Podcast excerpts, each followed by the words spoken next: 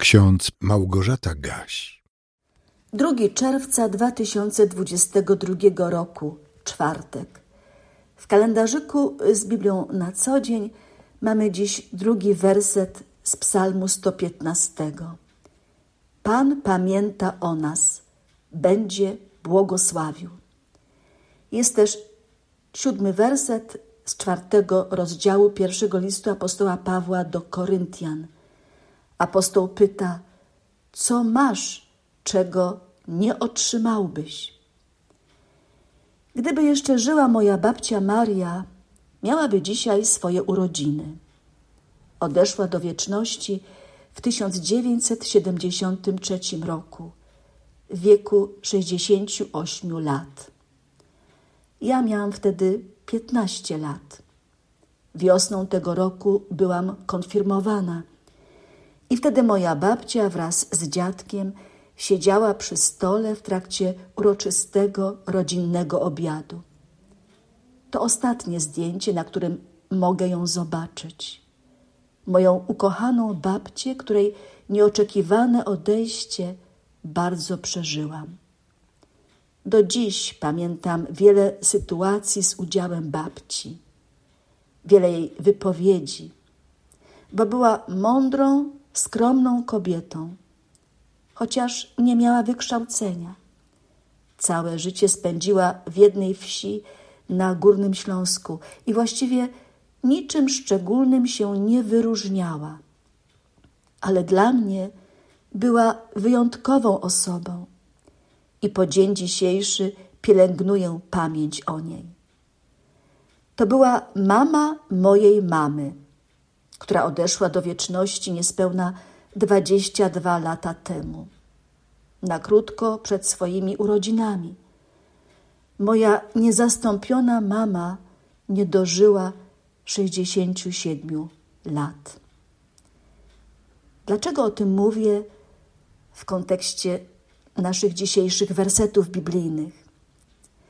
Otóż pomyślałam sobie, że skoro ja pamiętam o mojej babci i o mojej mamie, których od dawna nie ma na tym świecie, to tym bardziej Pan Bóg pamięta o mnie, o Tobie, o wszystkich ludziach, których powołał do życia.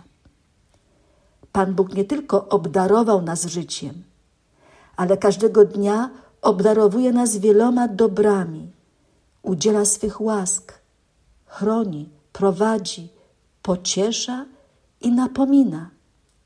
On jest naszym kochającym Ojcem i nigdy o nas nie zapomina. Dziś słyszymy, że Bóg będzie nam błogosławił. A co to znaczy? Co mamy na myśli, gdy mówimy o Bożym błogosławieństwie? Ludzie wierzący w trakcie życzeń urodzinowych czy świątecznych nie zapominają również o Bożym błogosławieństwie. Przez ciekawość spojrzałam do słownika języka polskiego i przeczytałam, że słowo błogosławieństwo może mieć trojakie znaczenie. W religiach chrześcijańskich jest to obrzęd polegający na przeżegnaniu kogoś krzyżem lub znakiem krzyża, albo życzenie przychylności Boga lub losu a także dobrodziejstwo, pomyślność, przychylność. Jest wiele definicji błogosławieństwa, ale wszystkie sprowadzają się do jednego. Błogosławieństwo to Boży dar. Błogosławieństwo i błogosławić, greckie eulogia i łacińskie benedictio, mówią o dobrym słowie – wypowiedzianym przez Boga. Czyli Bóg za pośrednictwem błogosławieństwa obdarza człowieka dobrem. Nie jest to jednak jakiś dobry przedmiot, dobra rzecz, którą można posiadać, ale dobro związane z tajemnicą życia, czyli ostatecznie dobre życie.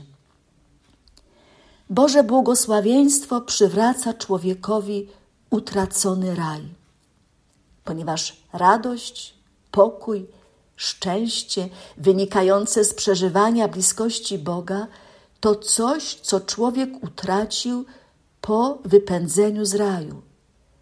Coś, co jest mu niezbędne do tego, by czuć się bezpiecznym i szczęśliwym.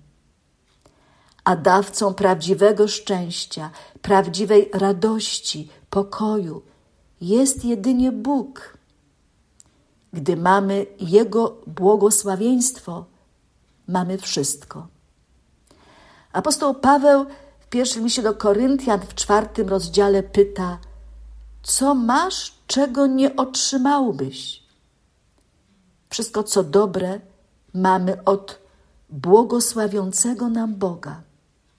Jako ludzie wierzący staramy się pamiętać, że niczego sobie nie zawdzięczamy, ale wszystko jest darem łaski Bożej.